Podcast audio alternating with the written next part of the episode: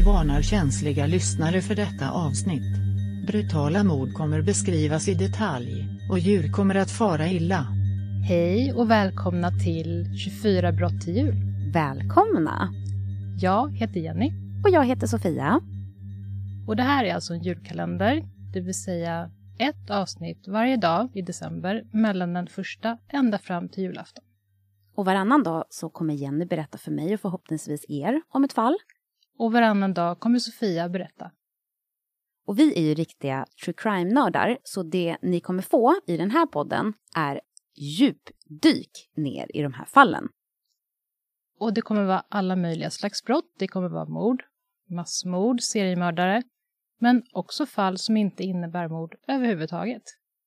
Och är det jättehemska fall så kommer vi inleda avsnittet med en varning, precis som den som ni just har hört.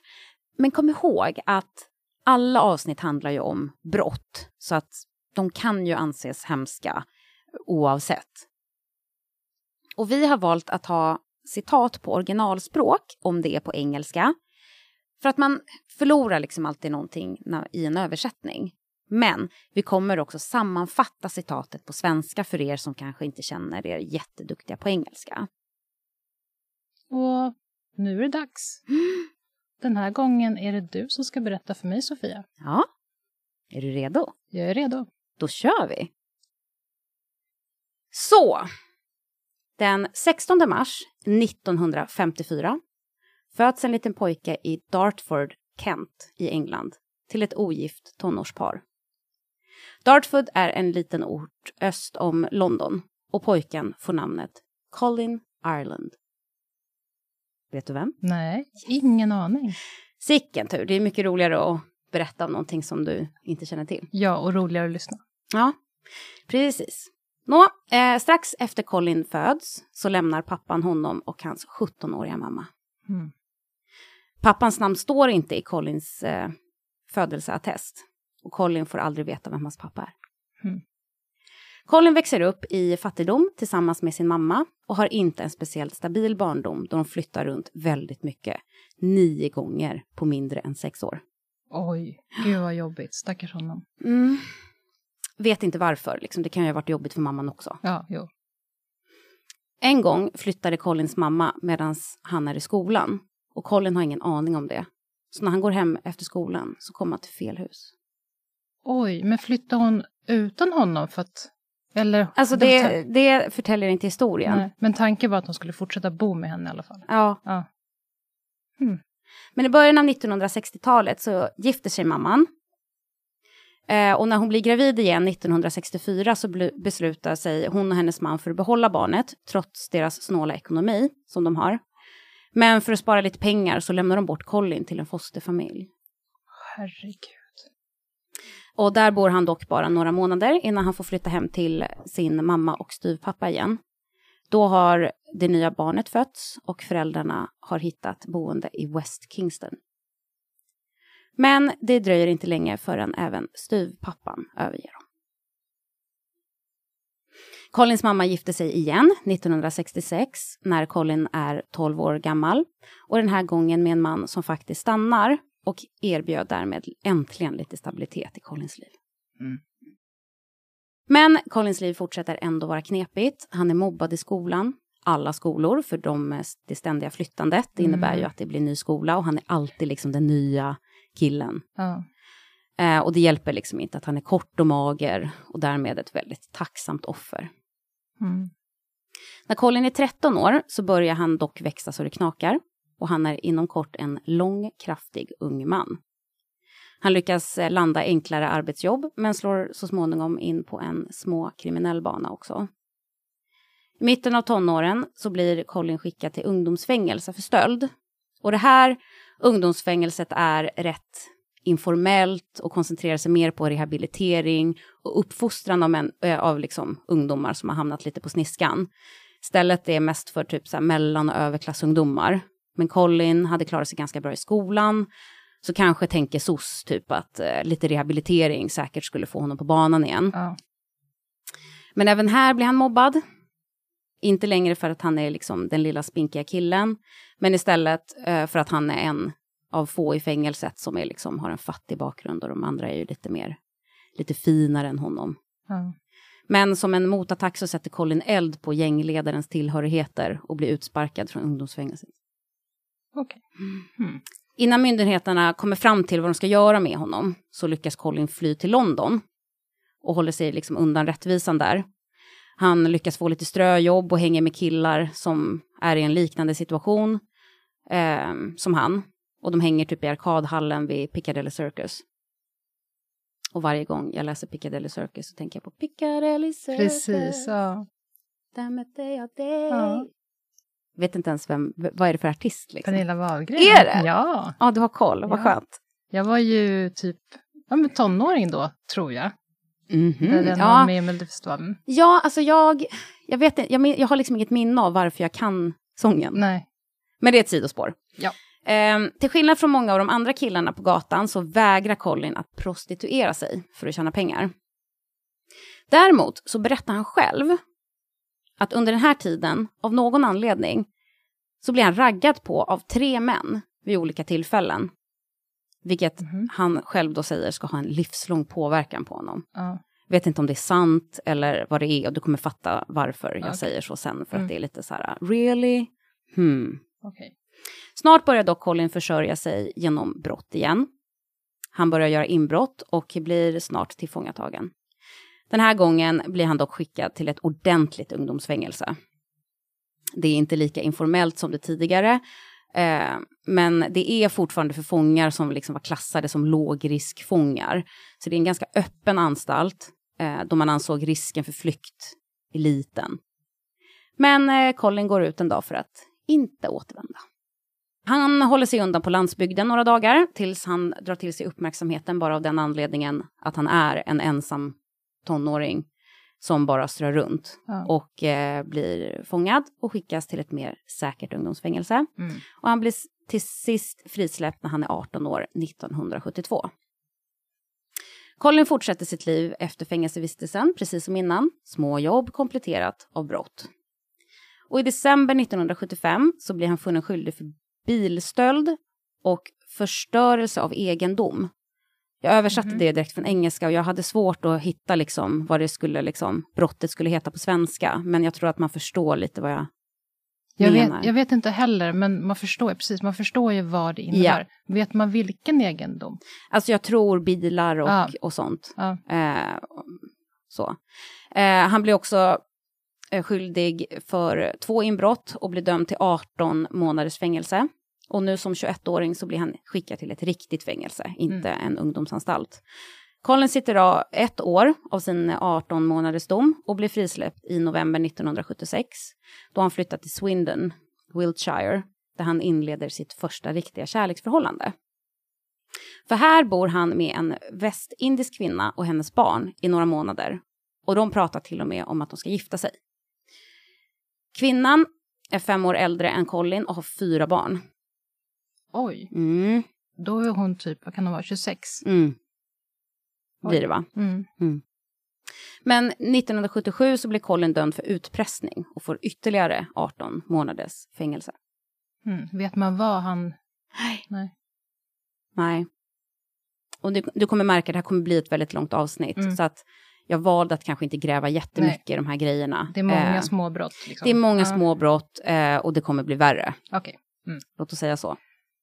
Jag förstår. 1980 så blir han dömd för rån och till två års fängelse. Och eh, sen 1981, det är ju bara ett år senare, så jag gissar att han blev liksom frisläppt tidigare Mm. än liksom hela, att han inte fick satt av hela straffet. Nej. För då blir han dömd igen för försök till bedrägeri. Och mellan fängelsevistelserna så jobbar Colin som utkastare, vilket är ett passande jobb för honom med tanke på hans stora kroppshydda. Mm. Eh, och han eh, anmäler sig även som så här, att bli frivillig brandman. Mm. Efter fängelsevistelsen för rån jobbar Colin som kock i London. Så han har lite många strängar på sin lyra. Mm. Colin hänger sig åt survivalism. Mhm, vad innebär det? Survivalism. Aha, alltså en- så här överlevnads... Prepper... Jag tror Typen. det, men kanske inte i en, en jätteextrem form av Nej. det, utan mer så här, åh, vi drar till skogen och lär oss vilka rötter man, man alltså jag Ja, vet inte, jag jag, gissar. Mm. Men jag, när jag läste om det lite grann så, så är det den uppfattningen jag får liksom. Mm. Eh, han försöker till och med ta värvning för Främlingslegionen, men brottsregistret jobbar emot honom såklart. Mm. Han lyckas faktiskt aldrig ta värvning för någon armé, trots vad han själv eller hans Wikipedia-sida säger. Mm. Eh, det är vid ett sånt här survivalismmöte, jag tycker det är ett jättesvårt ord att säga, eh, eh, men det är vid ett sånt möte i alla fall som Colin träffar den 36-åriga Virginia Sammet. Virginia hade varit med om en bilolycka när hon var i 20-årsåldern och har sedan dess varit rullstolsburen, vilket för henne som friluftstjej eh, var väldigt frustrerande. Men den nu 28-åriga Colin får dock Virginia att känna sig mer än en kvinna i rullstol och 1982 så gifter de sig och Colin tar sig även an Virginias femåriga dotter. Mm. Han eh, jobbar till och med som volontär vid flickans skola där även Virginia jobbar. Han hjälper där till att lära barn läsa och rita, vilket Colin visar sig ha talang för. Paret bosätter sig tillsammans med Virginias dotter i Holloway-området i London. Men trots stabiliteten som Colin verkar ha landat i nu här, så kan han ändå inte riktigt hålla sig borta från problem. Han blir återigen dömd för försök till bedrägeri och liknande brott. 1985 så blir Colin dömd till sex månader i fängelse för going equipped to cheat. Att han typ var utrustad med, va? Jag vet inte. Nej, Det var därför jag inte har översatt det heller. nej, Så jag, Mm. jag vet faktiskt inte. nej, intressant. Ja. Ja. Och det är också så här, det är någon, 1985, det är ju inte jättelänge sedan heller. Nej. Och han blir även mer aggressiv. Mm. 1987 så är Colin otrogen mot sin fru, Virginia. Och när hon får reda på det så tar hon ut skilsmässa. 1989 ger sig Colin av till Devon för ett sånt där survivalismmöte igen. Ute på de avlägsna hedarna där. Men han blir distraherad av Janet Young som äger och driver The Globe Pub i Buckfast, Buckfastly? Buckfastly? Ja. En liten ort i alla fall Mm. i sydvästra England. Eh, Janet är en ensamstående mamma hon också. Som kämpar med att driva puben själv, men snart har hon Colin att hjälpa henne och hennes två barn.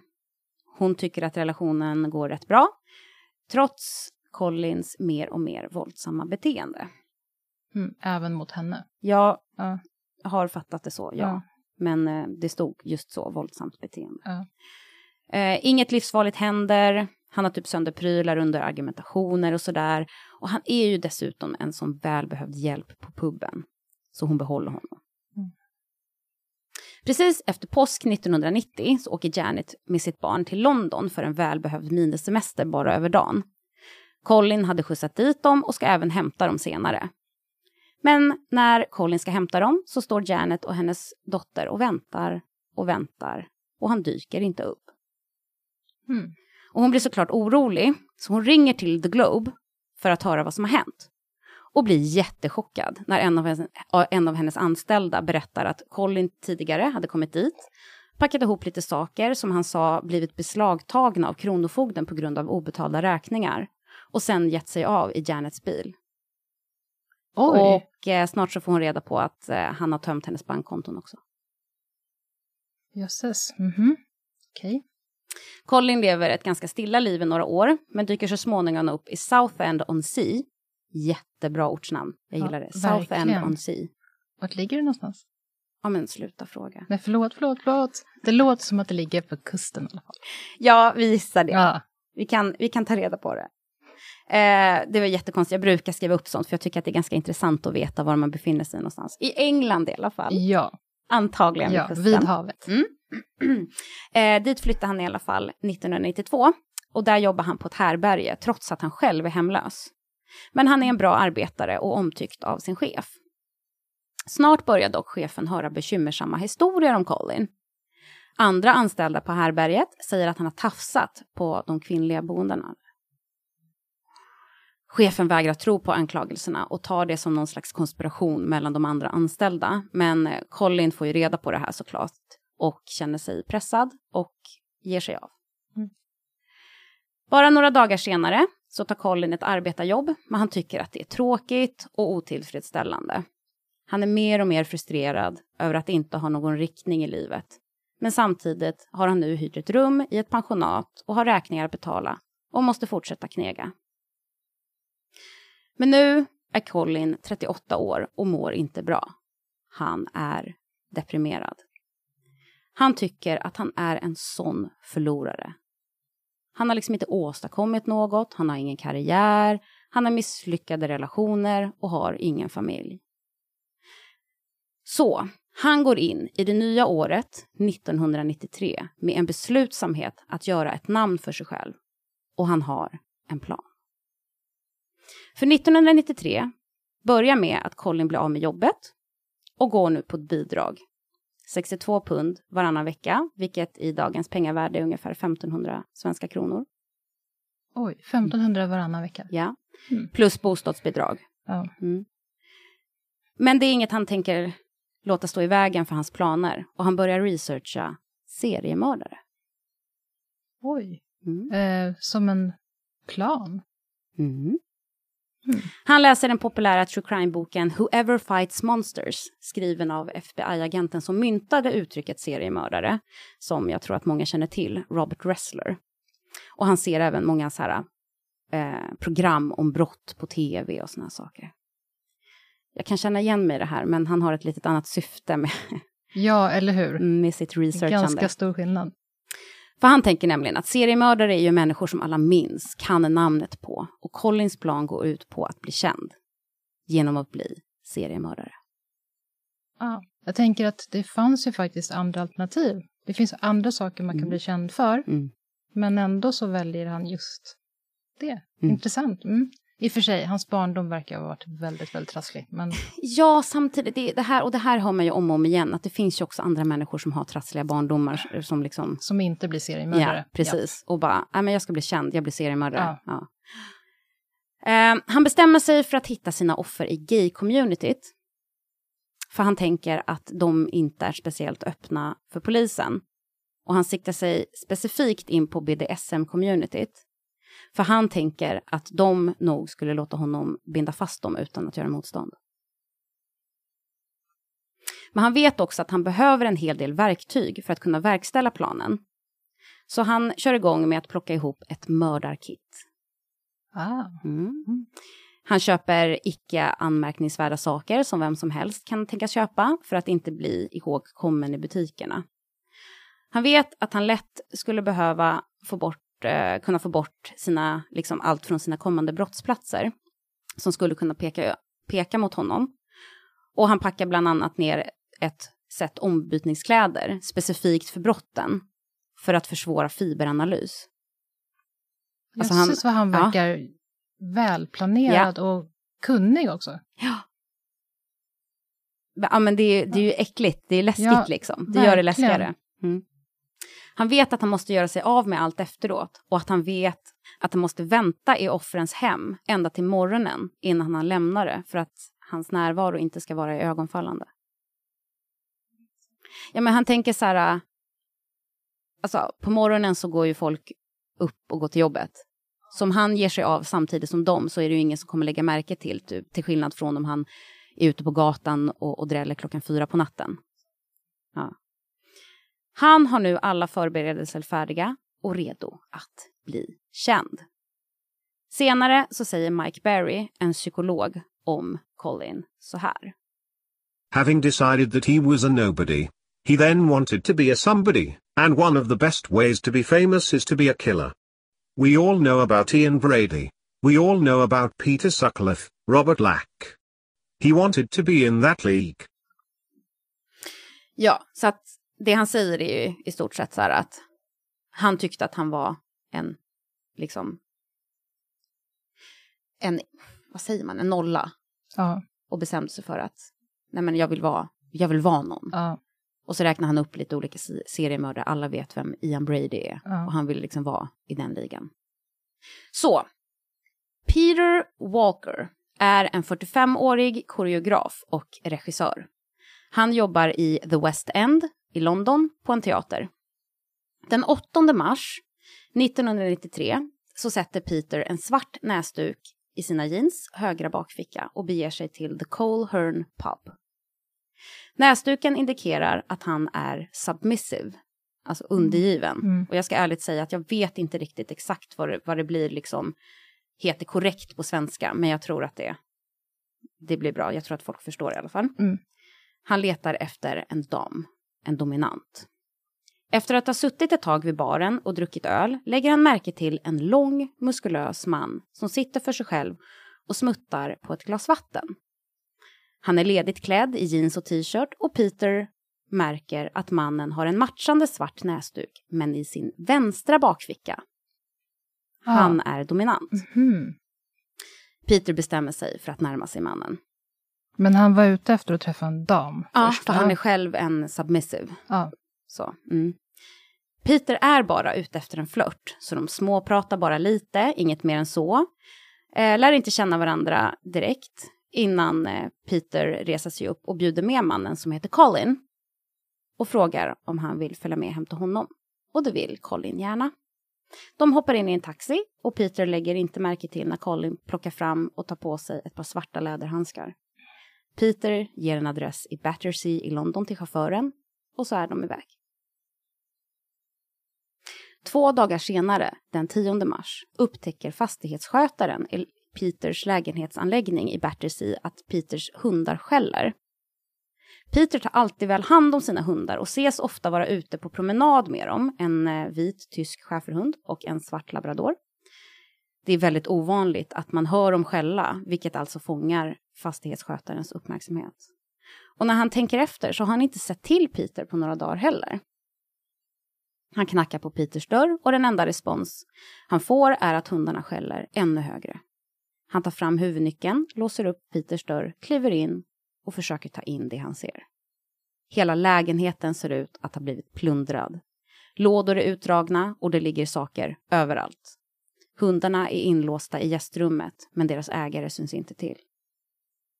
Fastighetsskötaren närmar sig Peters sovrum och är lite rädd för vad han kommer att hitta där. Men han har ingen aning.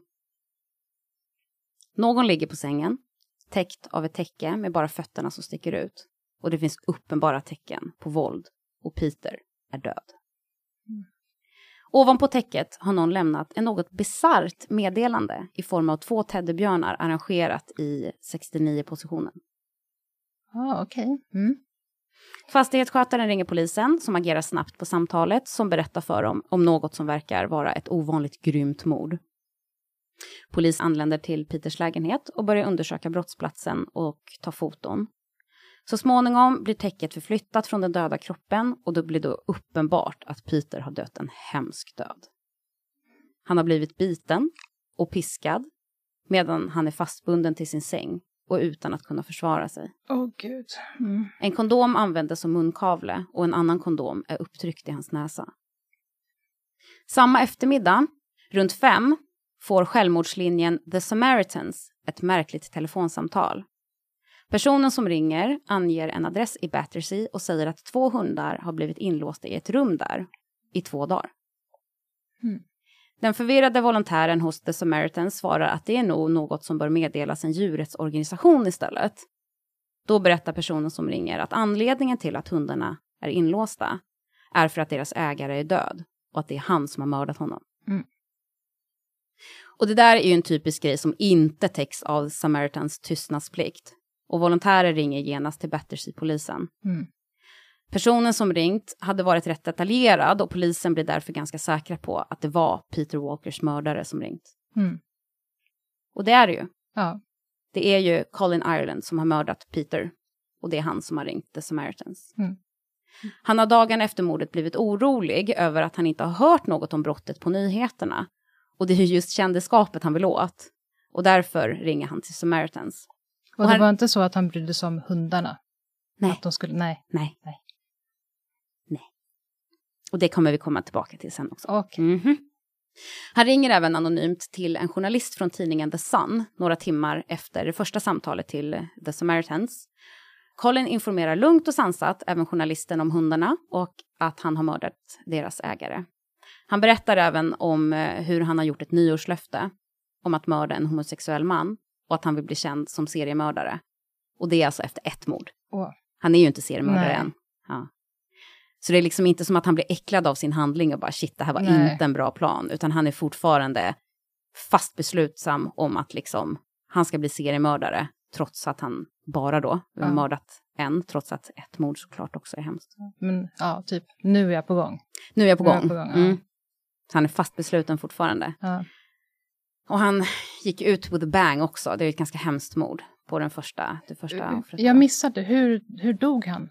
Vi kommer till det. Ah, okej. Ehm, Mm. Jag kommer berätta det, Mm. förlåt. Det kan jag. Eh, journalisten i alla fall, han ringer till Scotland Yard och Mm. några timmar senare får han ett samtal tillbaka där han får reda på att detaljerna den okände mannen har gett honom är sanna. Ja. Men polisutredningen som hanterar Peter Walkers död kommer liksom inte speciellt längre. För hans lägenhet är helt torkad ren från fingeravtryck. Och vad som än har använts för att binda fast Peter till sängen är borttagna och finns inte i lägenheten. De tar reda på att dödsorsaken är kvävning av att en plastpåse har placerats över Peters huvud. Men de upptäcker att eh, pengar har tagits ut från Peters konto på morgonen den 9 mars, alltså dagen efter det uppskattade dödstillfället. Ja. Och de antar att Peter blivit torterad för att ge mördaren sin pinkod. Mm. Och det är nästan till omöjligt att spåra Peters rörelser efter att han har lämnat jobbet den dagen. För ingen från The Colehern Pub trädde fram med information vad de har sett i puben den kvällen. Nej. Christopher Dunn är en 37-årig bibliotekarie som bor i Weldstone. Han jobbar långa arbetsdagar, fem dagar i veckan och eh, återvänder till sitt konservativa hem i Harrow, en förort i nordvästra London. Han håller sitt privatliv för sig själv, han är homosexuell och vill inte att hans konservativa grannar ska få reda på det. Fredagen den 28 maj har Christopher lyckats avsluta sitt jobb tidigt, så han åker hem, duschar, byter om och tar sedan tunnelbanan till Earls Court Station. Han har en pint i handen på The Colhern Pub, hans favoritpub, precis innan klockan slår sex. Inte lång tid efter söker en eh, annan man upp honom och frågar om han får sitta vid samma bord som Christopher. Mannen introducerar sig själv som Colin och Colin blir den sista att se Christopher i livet. Christopher må ha varit hemlighetsfull, men han är inte asocial. Han har lovat att höra av sig till en kompis den helgen och när vännen inte hör från Christopher på två dagar så åker kompisen hem till honom. Och när han kommer in i hemmet möts han av en fruktansvärd syn och ringer polisen. Christophers död är misstänkt. Den är helt klart inte naturlig, men dödsorsaken är inte helt uppenbar. Han hittas naken i en sele med brännmärken på hans testiklar och piskmärken på kroppen. Åh, gud vad hemskt. Mm. Det finns tecken på kvävning, men ingen direkt förklaring till dem. Hemmet är rentorkat och det verkar, tycker polisen, som att Christopher har varit ensam vid sin död. Ja. De vet inte att Christopher fått sitt kontokort stulet och blivit torterad för pinkoden och att det rep som används för att binda fast Christopher är borttagna från platsen. Vad sa du, de vet inte det? Nej. Nej. Kroppen ska ändå skickas för obduktion och likbesiktning, men i detta skede ser polisen döden som någon slags bizarr, självförvållad olycka. Okej. Mm. Att han har varit helt ensam? Ja. Ja, okej. Och satt fast sig själv i selen och... Alltså antingen det eller att, ja jag gissar det. Ja, Annars, alltså om de tänker att det är någon lek mellan Christopher och någon annan, ja. så borde de ju ändå försöka kanske leta reda på den andra personen. ja eller hur? Men Mm. en olycka. Ja. Mm. Tidningarna nämner knappt Christophers död.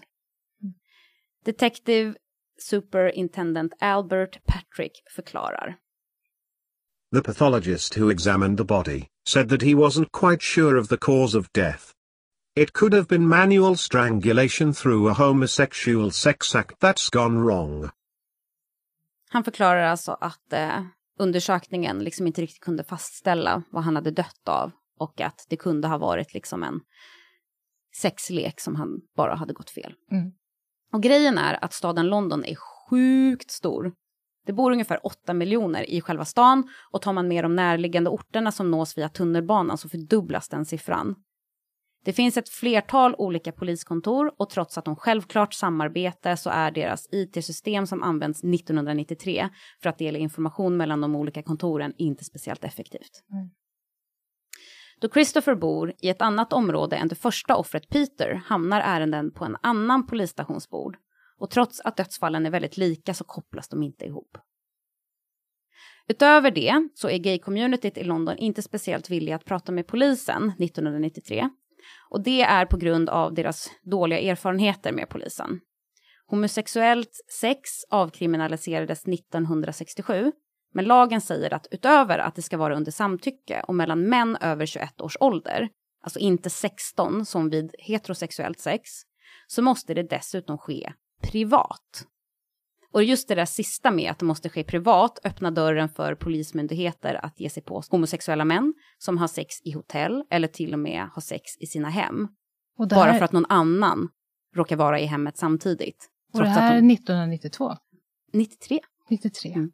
Ja. Mm. Eh, så homosexuella män är liksom inte jättepigga på att ha kontakt med polisen för att de sätter sig själva i fara. Eller Och- liksom. Och det var ju Collins plan. Ja, han visste ju om det här. Ja. Speciellt de som är inne på BDSM-sex med tanke på att de bara några dagar innan Peters död hört nyheterna om rättssaken R.V. Brown där det slagits fast att sådana handlingar är ett brott. Trots att det är under samtycke. Och det som hände här i den här R.V. Brown-rättssaken är att det var 16 män som fick upp till 4,5 års fängelsestraff för att ha torterat andra män Tortyren var ju då sadomasochistisk sex eh, som alla involverade var helt med på. Så det är ju ingen som har liksom Oj. anmält att Nej. de har blivit illa eh, behandlade eller någonting. Utan polisen bara får höra att eh, det är ett gäng killar som planerar att ha sex och vi åker in och tar dem. Och så får han fyra års fängelse.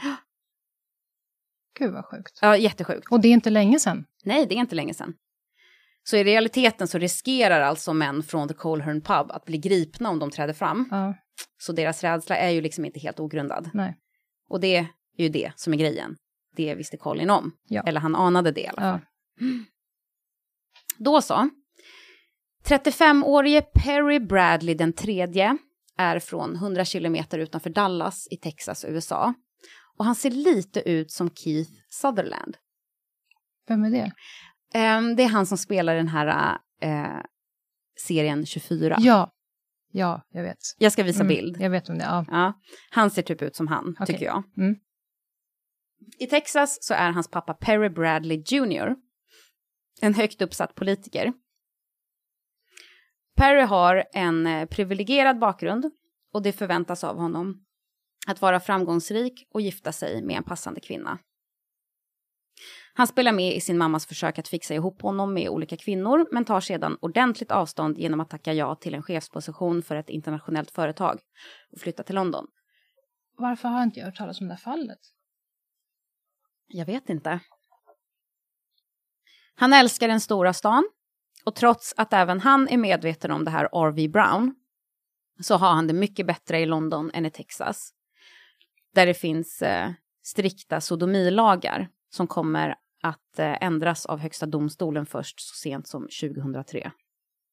Oj. Ja. Mm. Den 4 juni är en ljuv sommarkväll i London och Perry promenerar den korta biten från sin lägenhet i Kensington till The Colehern Pub. Han har stämt träff med någon där, men är ungefär en halvtimme tidig, så han sätter sig med en öl på uteserveringen och njuter kvällssolen medan han väntar. Det dröjer inte länge förrän en man närmar sig Perry och frågar om han får slå sig ner.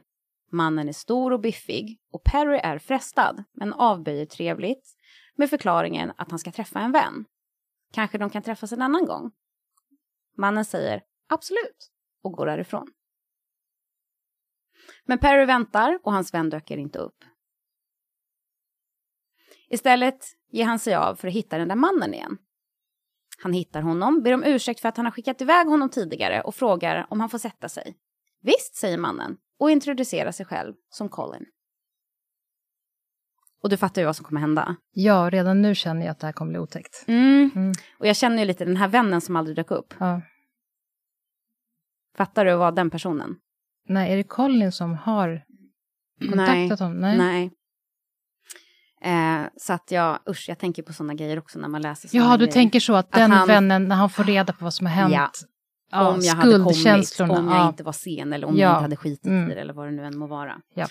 Hur som helst, Mm. eh, den kvällen följer Colin med hem till Perry och Colin frågar om han får binda fast honom. Men det är Perry inte riktigt med på. För att övertyga honom så säger Colin att han kan inte bli upphetsad om bondage inte är involverat. Om än något tvekande ger Perry med sig och är snart fastlåst till sin säng med handfängsel och rep som Colin haft med sig, ansiktet neråt och med en snara om halsen. Två dagar senare börjar andra boenden i samma hus som Perry oroa sig över stanken som sprids från den trevliga amerikanens lägenhet. Han har inte setts till på flera dagar och när man knackar på dörren får man inget svar. Så de ringer polisen. Återigen så häpnar polisen över den grymma brottsplatsen de hittar. De kan inte slå fast att han är homosexuell. Hans familj förnekar det och hans vänner i London sträcker sig endast så långt att säga att han hade ett öppet sinne gällande sin sexualitet. Ansvarig utredare Brian Edwards säger The way the body was arranged and laid out, it was clearly a little bit unusual, and we were a little bit surprised when we contacted the family, and found that there was no apparent history of homosexuality.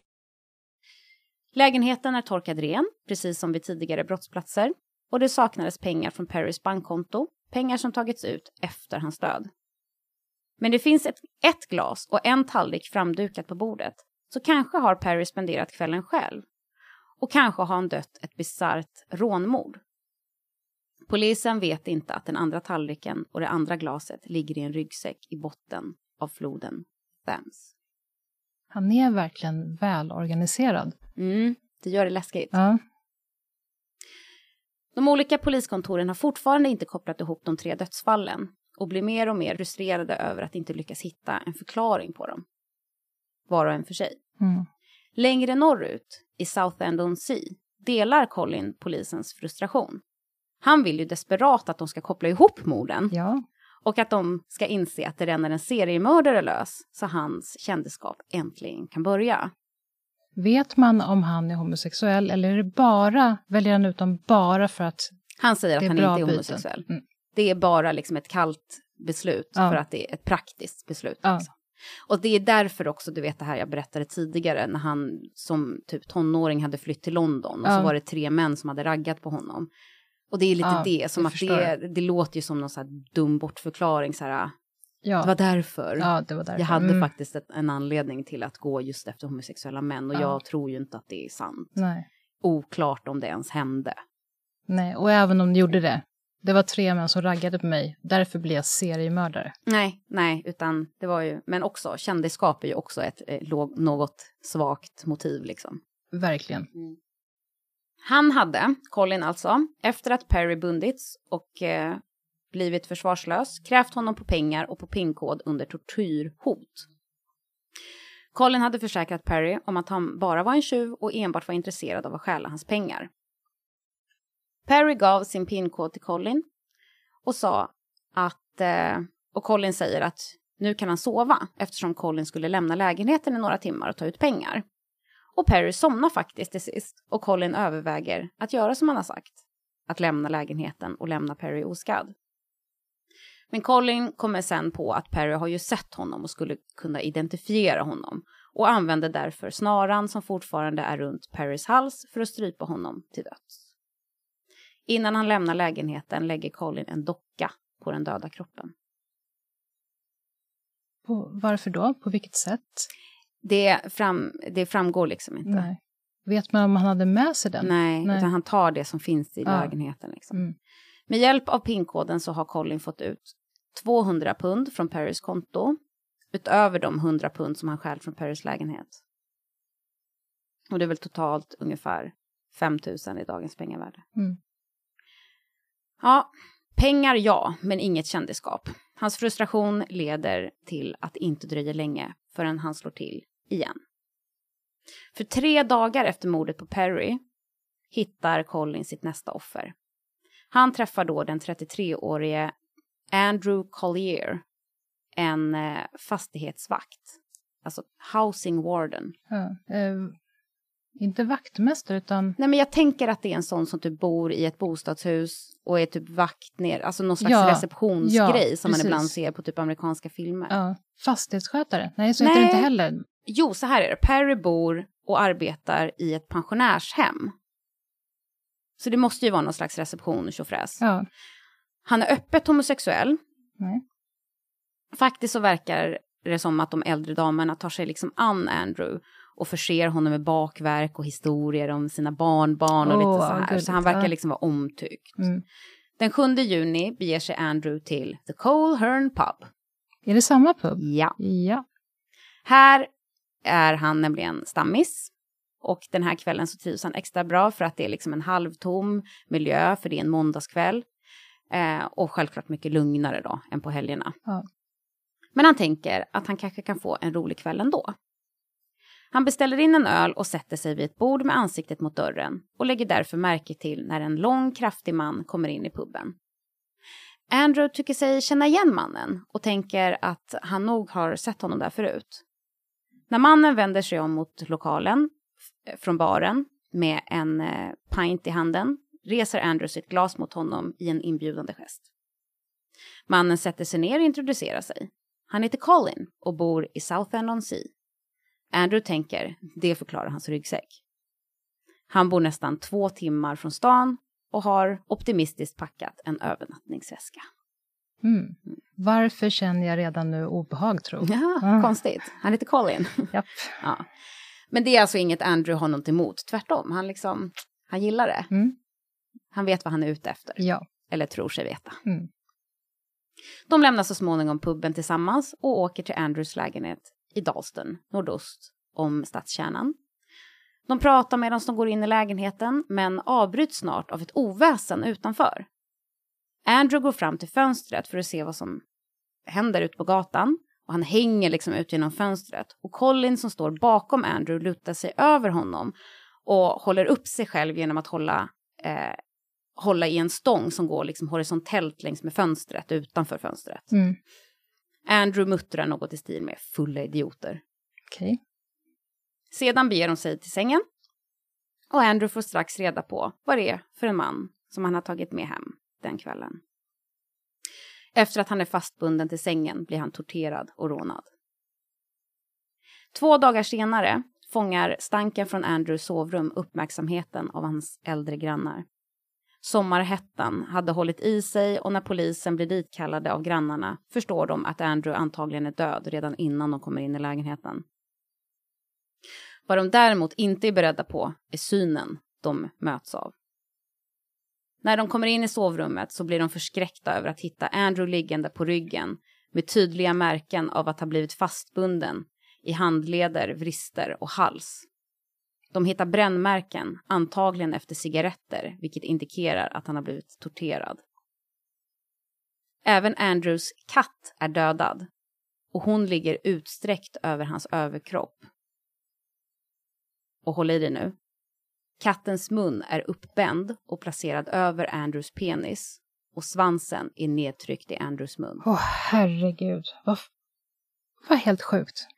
Är det för att han har inte fått uppmärksamhet, så han måste liksom eskalera allting? Mm. Alltså antagligen, men det finns också en annan förklaring till det här. Okej. som vi kommer komma till. Mm. Båda, alltså både Andrew och katten har blivit strypta med rep. Och en kondom är placerad över kattens svans och en annan över Andrews penis.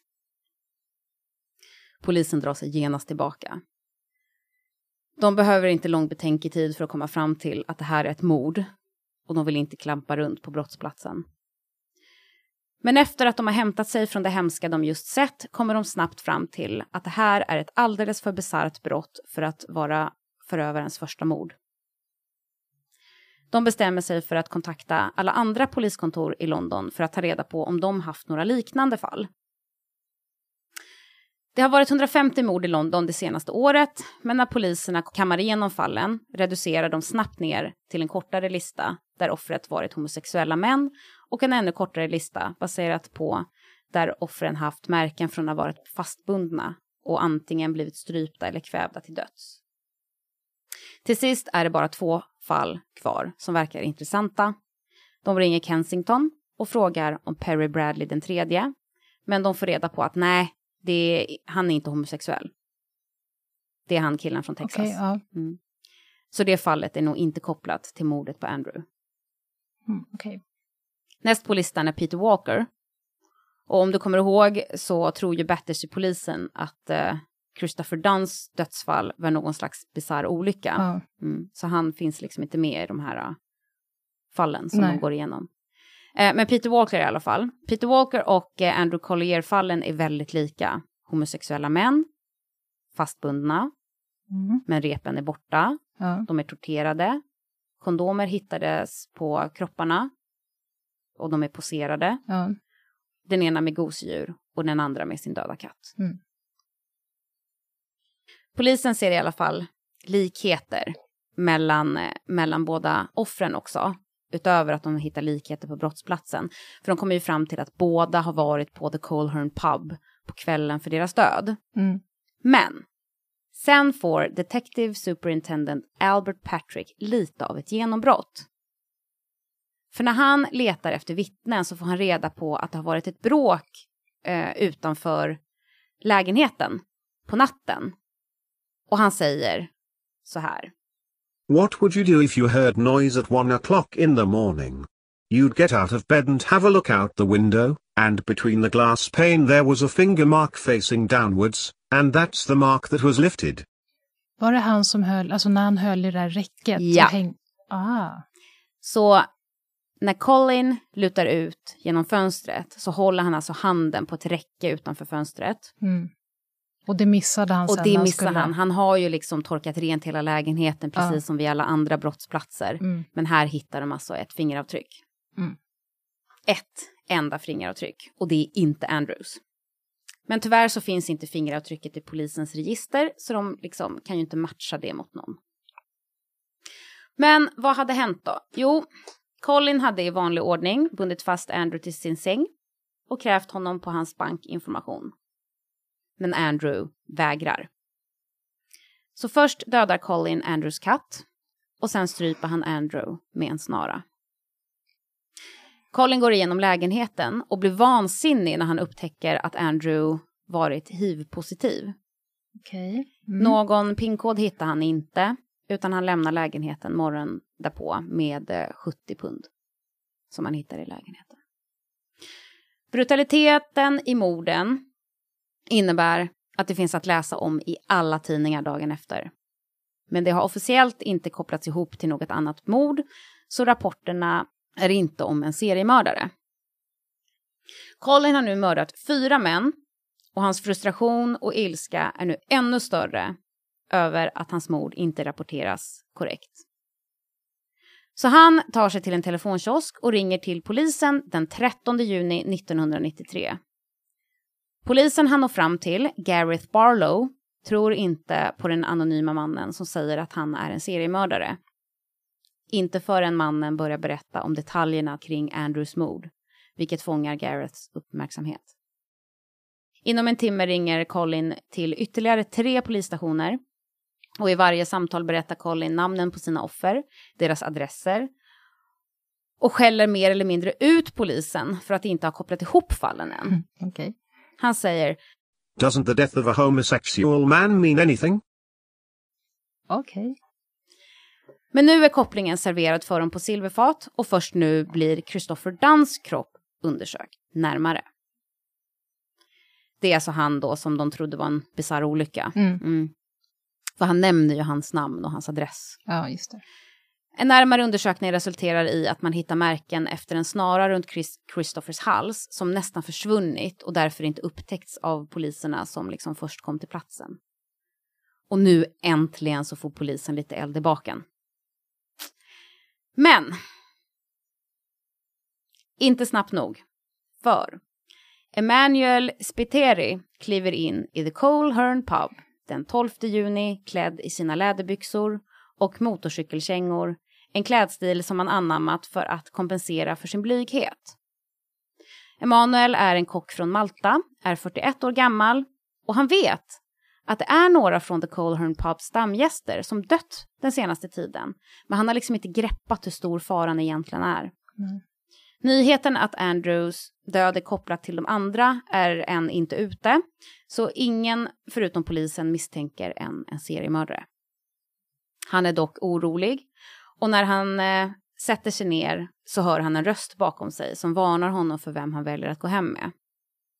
Men mannen han spenderar kvällen med är en kille som han har sett på puben många gånger tidigare, som heter Colin. Han är en stammis precis som han själv och han bjuder med Colin hem till sin lägenhet i Catford i sydöstra delen av stan. Emanuel insåg nog sitt misstag när han låtit Colin binda fast honom i sängen och Colin börjar hota honom och kräva honom på pinkoden till hans kontokort.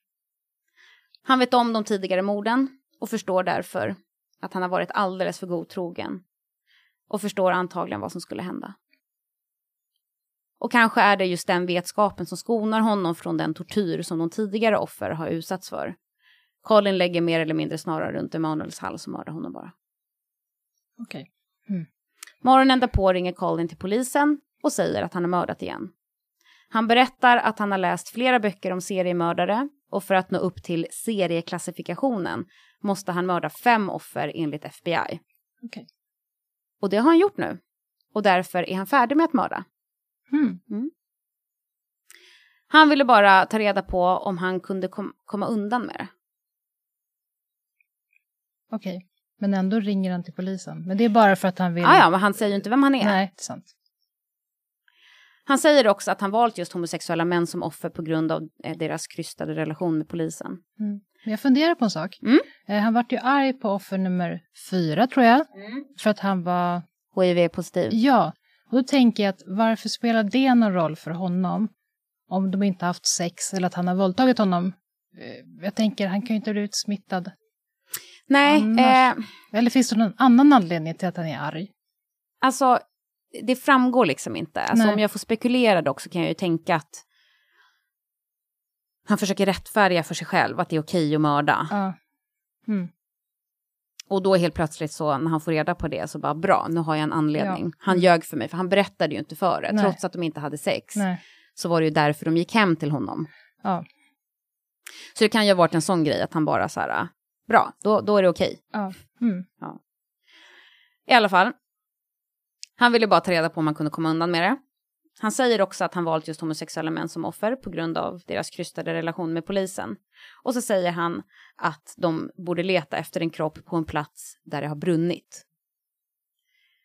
Den 15 juni, alltså tre dagar efter mordkvällen, ringer en hyresvärdinna till polisen och anmäler att en av hennes hyresgäster är död. Och det har brunnit i hans rum och hans död ser inte ut som en olycka.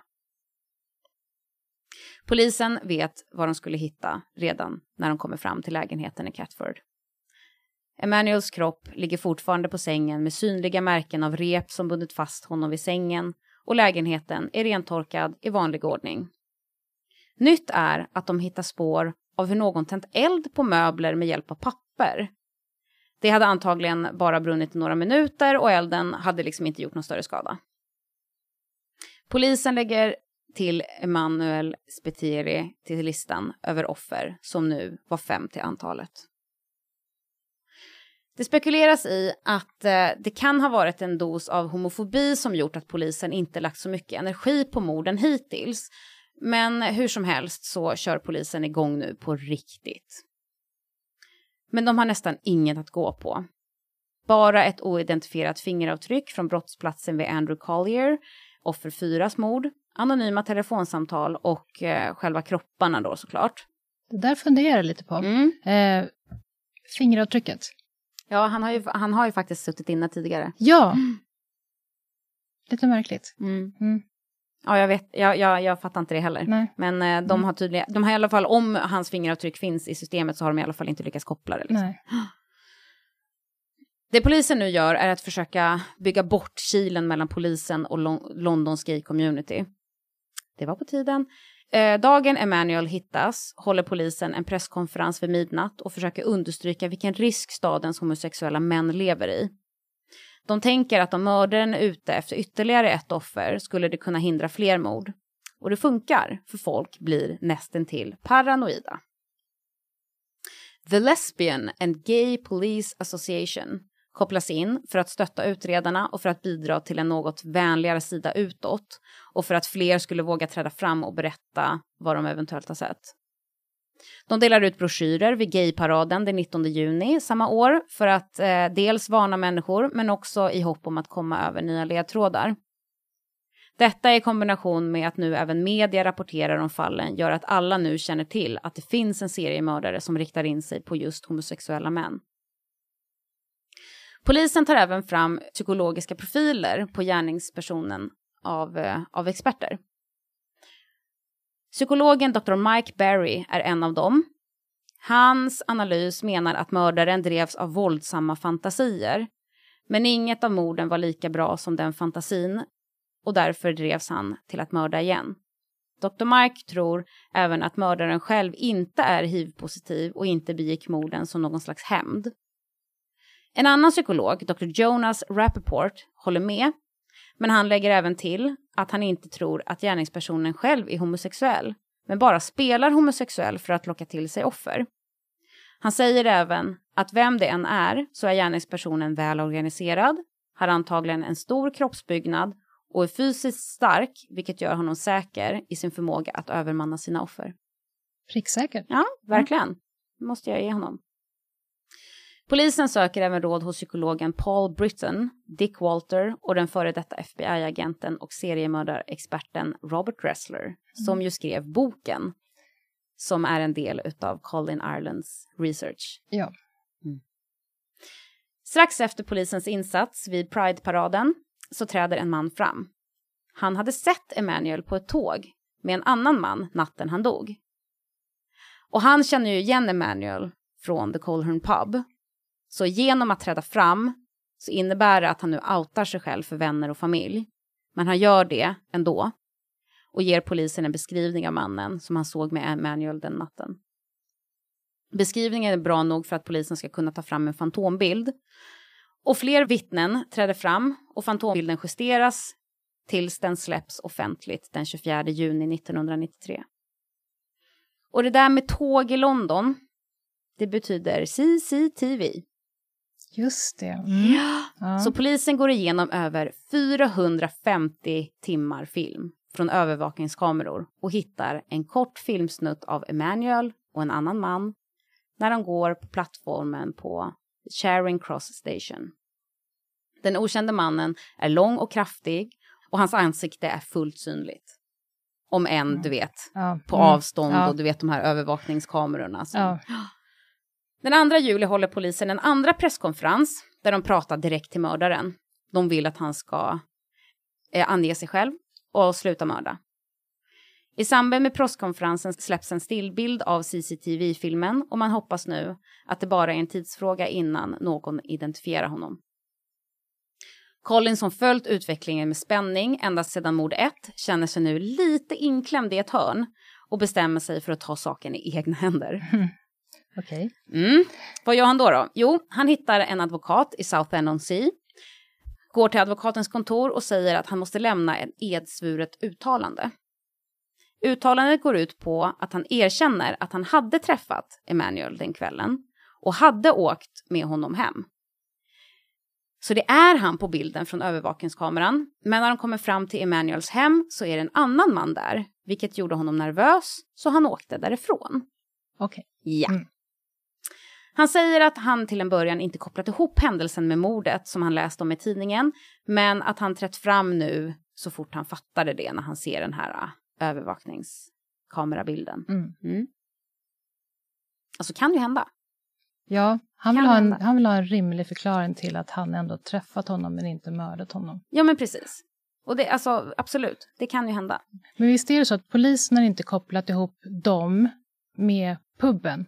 Det har de inte... Jo. De har gjort det? Okay. Jo, de mm. har ju fattat att... Eh, att eh, det är där han Ja, raggar. men där har ju ja. ingen trätt fram. Nej. Det är ju det som är ja. grejen, att de har ju mm. svårt mm. att få vittnen därifrån. Ja. Men nu börjar ju folk i alla fall vakna till liv. Men det är ju också kanske efter att de har fattat att det faktiskt är en seriemördare. Ja. Mm. mm. Ja, så polisen tar emot det här uttalandet. Eh, men de bryr sig liksom inte ens om att försöka få historien bekräftad. För det enda de gör är att fråga efter fingeravtryck. Hur menar du fråga efter fingeravtryck? Fråga vem? Colin. Fråga honom? Mm. Aha, För han har ju, det är ju via advokaten då. just det.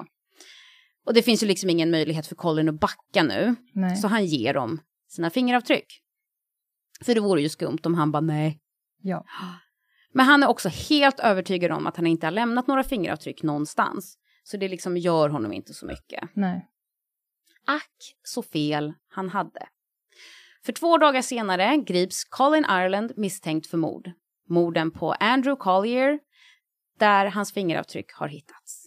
På stången Mm. utanför fönstret. Och han som var så välplanerad. Förutom just det här. Men det är också fem mord och ett fingeravtryck. Ja. Mm. Mm. Mordet på Emanuel Spiteri, med vilken han sätts på övervakningskamerorna, läggs till i åtalet den 23 juli. Och dessutom träder fler vittnen fram som berättar att de har sett en man som stämmer överens med Collins utseende tillsammans med övriga offer på The Colhern Pub. Att han inte blir misstänkt för fler mord finns det dock flera anledningar till. Polisutredare Brian Edwards berättar We decided to charge him initially, I think just with the two murders because, what he wanted was the notoriety of being a serial killer, and we felt with him just being charged with the two murders, it would cause him quite a bit of frustration, and so that's what we did, and we waited to see how things developed. de vill liksom inte ge honom... Nej, de vill inte ge honom det. Nej, de vill Nej. inte ge honom, eh, vad heter det? Den Tillfredsställelsen Tack. av att De vill inte ge uppmärksamheten- tillfredsställelsen med att han liksom blir misstänkt Nej. som seriemördare. Så därför så misstänker de honom bara för två mord. Ja. Så att han inte liksom har nått upp till, till så pass många mord som skulle klassa honom som seriemördare. Jag tycker det är briljant. Och då tänker de att han ska börja prata mer Ja. kanske? Mm, smart. Mm, det är faktiskt Mm. riktigt smart. Och eh, det funkar. Mm. I arresten, i väntan på rättegång, så tillkallar Colin den 19 augusti en fängelsevakt och ber att få prata med en polis. Han är nu redo att erkänna de övriga tre morden på Peter Walker, Christopher Dunn och Perry Bradley den tredje. Han berättar allt. Varför och hur han lyckats mörda fem män under mindre än fyra månader. Han beskriver sina offers sista stund i livet hur han slängt repen och annan bevisning i floden The Thames. Han beskriver hur han berättat för Perry Bradley den tredje, efter att han bundit fast honom, att han bara skulle råna honom och hur Bradley faktiskt somnat medan Collins sökte igenom hans lägenhet och vaknade först när en snara blev lagt runt hans hals. Han berättar detaljerat om hur han torterat Christopher Dunn och Andrew Collier och att han dödat Andrews katt av ilska för att Andrew inte berättat för honom att han var hiv-positiv. Som att det på något sätt skulle liksom rättfärdiga det. Ja. En annan anledning, och nu kommer vi till det här med djuren. Ja. Mm. En annan anledning till att Colin dödar katten är att efter Colin ringt in och informerat om de två inlåsta hundarna vid första offret Peters mord så Mm. hade media kallat honom för djurälskare. Och nej, och det vill han inte vara. Nej, Nej. för det tyckte han inte om. Mm. Han okej. ville liksom inte att folk skulle tro att han var en vekling. Mm. Så han bestämde sig för att hänga katten över sovrumsdörren.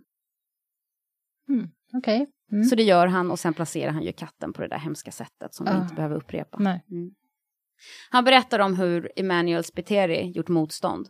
Han kände väl till de tidigare morden, så han förstod vad som skulle hända. Han vägrade ge Colin pinkoden till kontokortet och sa att han visste att Colin skulle mörda honom i vilket fall som helst. Han kunde tortera honom bäst han ville, men han skulle inte ge honom något.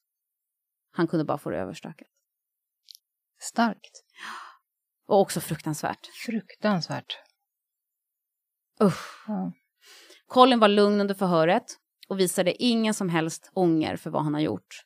Trots att motivet bakom morden var att få uppmärksamhet och kändisskap så skryter han inte om det. Han bara liksom redogör sakligt för vad han har gjort och hur. Han säger att Andrew Collier var det enda av hans offer som gjort honom arg, vilket det var det här med hiv Mm. tjofräsen.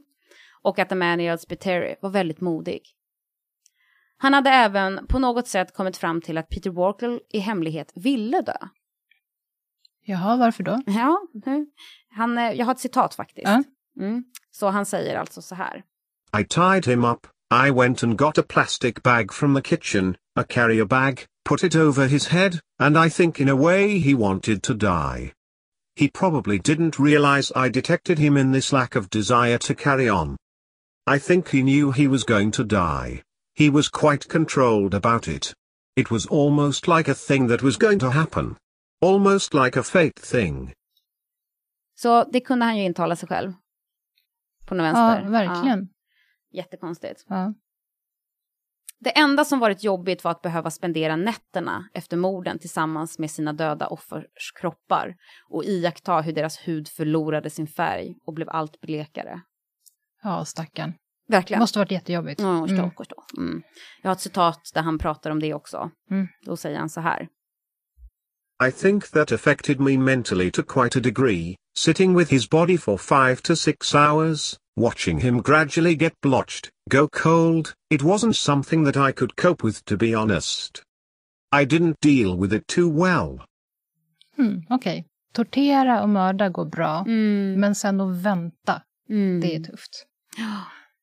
Se hur kroppen blir blek och kall. Mm. Usch. Nej, han är ju, han kan ju inte vara frisk i huvudet. Nej. Han är mycket bestämd när det kommer till en att, att han absolut inte varit påverkad av varken alkohol eller droger vid tillfällen för morden.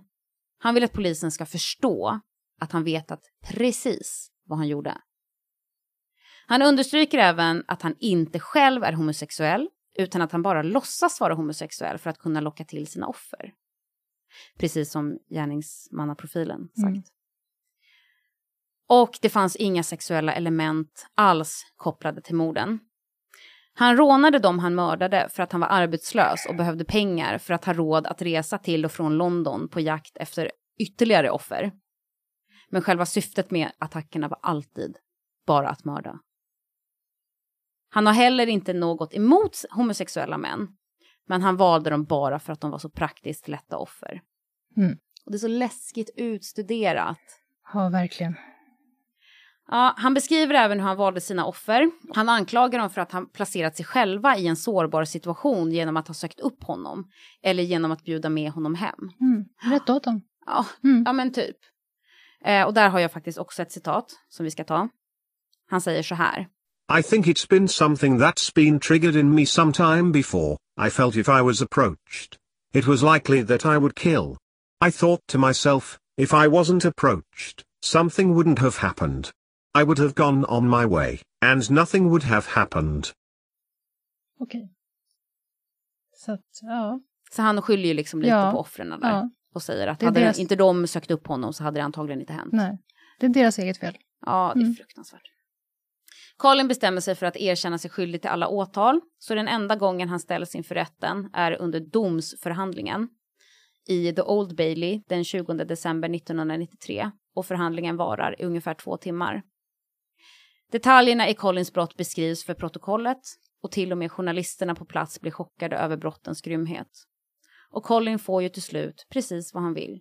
I stort sett alla tidningar, både i landet och utanför, skriver om fallen och namnger Colin The Gay Slayer och Jack the Gripper.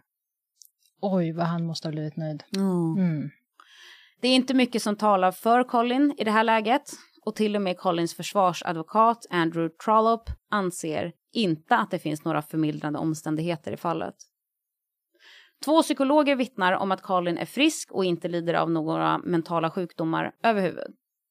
Domare Mr Justice Sash säger att Colin är, citat, Exceptionally frightening and dangerous. To take one human life is an outrage, to take five, is carnage så han säger alltså att, eh, att ta en mans liv är illa nog men att ta fem är mycket värre. Ja, det känns rimligt. Det, det är Mm. rimligt, jag, kan, jag är redo att hålla med ändå. Ja.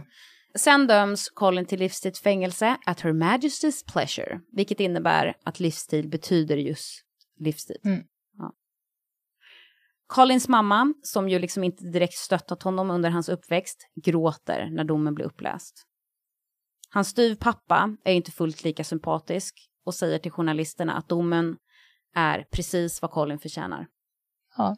Också redo att hålla med. Mm. Colin Ireland dör den 21 februari 2012 i Wakefield Prison.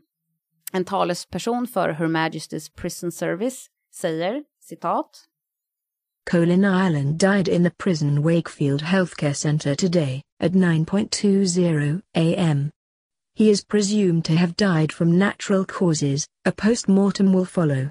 As with all deaths in custody in independent prisons, a probation ombudsman will conduct an investigation. Så de går helt enkelt ut med att Colin är död och att det ser ut att uh, vara liksom naturliga orsaker, Mm. men att de kommer utföra en obduktion. Mm. Senare blir hans död fastställd till att främst ha orsakats av lungfibros, vilket jag var tvungen att kolla vad det var, vilket är någon slags bindvävsbildning i lungorna, vilket leder till att lungorna förlorar sin elasticitet och inte längre kan fungera optimalt. Och eh, utöver det då, lungorna, så dör han även av komplikationer efter en höftfraktur som han har fått tidigare samma månad i fängelsets träningsavdelning. Och Colin blev 57 år gammal. Mm. Slut! Bra fall. Visst är det sjukt? Superspännande och supersjukt. är det ju fruktansvärt. Jag har ju bestämt att jag ska kalla det här avsnittet för nyårslöftet. Bra namn. Men det är ju, ja, men det är ju det det är och det är ju Ja. det som gör det så sjukt. Ja. Att han bara deprimerad, känner att han är en nolla, Ja. har liksom inte åstadkommit någonting i livet. Nej. Vad gör han? Han bestämmer sig för att bli seriemördare Ja. och tar det så här. 1993, då ska jag mörda. Och det är så hemskt. Gjorde han alla under 93? Det gjorde han va? Jag tror det. Typ, ja. Nu ska vi se, när är rättegången liksom? Ja, alltså december 93, Ja, det är då det är eh, domsförhandlingen. det är ju inte klokt. Men det är en sak jag funderar på. Ja, Han vill bli berömd, ja. men vill han helst bli berömd som en, ett olöst fall? Eller ville han till slut åka fast? Oklart. Alltså Ja. han, samtidigt, jag tror faktiskt att han ville, att han inte ville åka fast. Nej. Dels då med tanke på att han ju säger så här, jag vill bara kolla om jag kunde komma undan med Ja. det. Vilket han ju inte lyckades med. Nej. Men att jag tror att han hade varit jättenöjd Ja. om han hade levt idag Mm. i frihet Ja. och ingen visste att det var han som var the gay slayer. Nej. Men det är vad jag föreställer mig, det är det jag tänker liksom. Han tog ju väldigt mycket risker, tänker jag. När han började kontakta polisen Mm. och sen åkte fast. Ja, precis. Alltså, och nu lever han ju inte längre, Nej. men någonstans så känner jag så här, om han hade levat hade det känts ännu mer värt Ja. att jag inte namnger avsnittet Nej. The Gay Slayer eller eh, Jack the Gripper eller Colin Ireland. Eller hur? För då hade han kunnat se att, åh titta, mitt Ja. kändisskap lever, Mm. lever vidare, till och med en svensk podcast gör ett avsnitt om mig, men han kommer inte fatta ordet Nej. nyårslöftet. Nej. Helt rätt. Men det var det, det här blev ett Åh. långt avsnitt. Ja, men det Mm. var jätte, jättebra. Ja, men vad roligt att Tack. du tycker det. Ja, men tack själv för att du lyssnade. Vi ses imorgon. Och tack alla som har lyssnat. Tack, tack. Mm. Hej då!